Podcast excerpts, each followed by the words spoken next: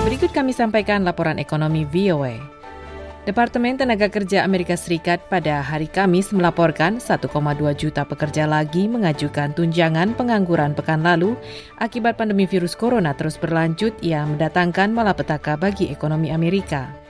Ini adalah minggu ke-20 berturut-turut di mana lebih dari satu juta warga mengajukan bantuan pemerintah ketika virus itu tanpa henti menyerang masyarakat di seluruh negeri, memaksa para pengusaha menutup sejumlah bisnis atau membatasi operasi dan memberhentikan sejumlah pegawai.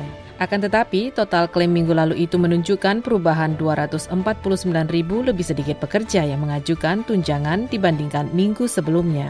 Hal itu mungkin karena program tunjangan pengangguran yang sudah berlangsung empat bulan, setidaknya untuk saat ini telah berakhir. Hingga Jumat lalu, Amerika Serikat menyediakan tambahan 600 dolar per minggu bagi mereka yang kehilangan pekerjaan, selain tunjangan pengangguran negara bagian. Namun tunjangan pemerintah federal itu berakhir pada akhir Juli.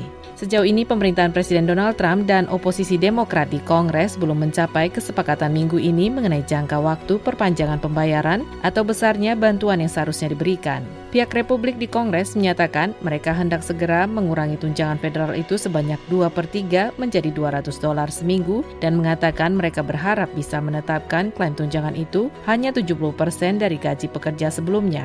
Pihak Demokrat ingin mempertahankan tunjangan sebesar 600 dolar per minggu sampai akhir 2020. Menteri Keuangan Steven Mnuchin dan Kepala Staf Gedung Putih Mark Meadows yang mewakili Trump melakukan negosiasi dengan Ketua DPR Nancy Pelosi dan pemimpin Senat Demokrat Chuck Schumer terkait tunjangan pengangguran dan bantuan lainnya bagi peningkatan ekonomi Amerika yang lesu dan terhuyung-huyung akibat pandemi virus corona. Ketua Federal Reserve Jerome Powell seminggu yang lalu mengemukakan lonjakan baru infeksi virus corona yang dikonfirmasi menimbulkan ancaman baru bagi perekonomian. Jutaan pekerja telah kembali bekerja, namun ribuan pemilik usaha tetap merumahkan pegawai atau tidak kembali beroperasi ketika virus semakin menyebar, terutama di negara-negara bagian besar seperti Florida, Texas, dan California.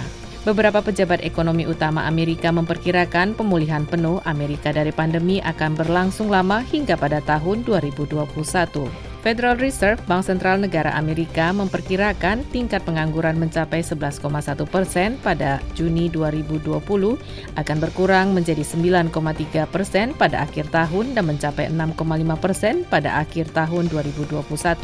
Metri Nikyopani, Voice of America, Washington DC.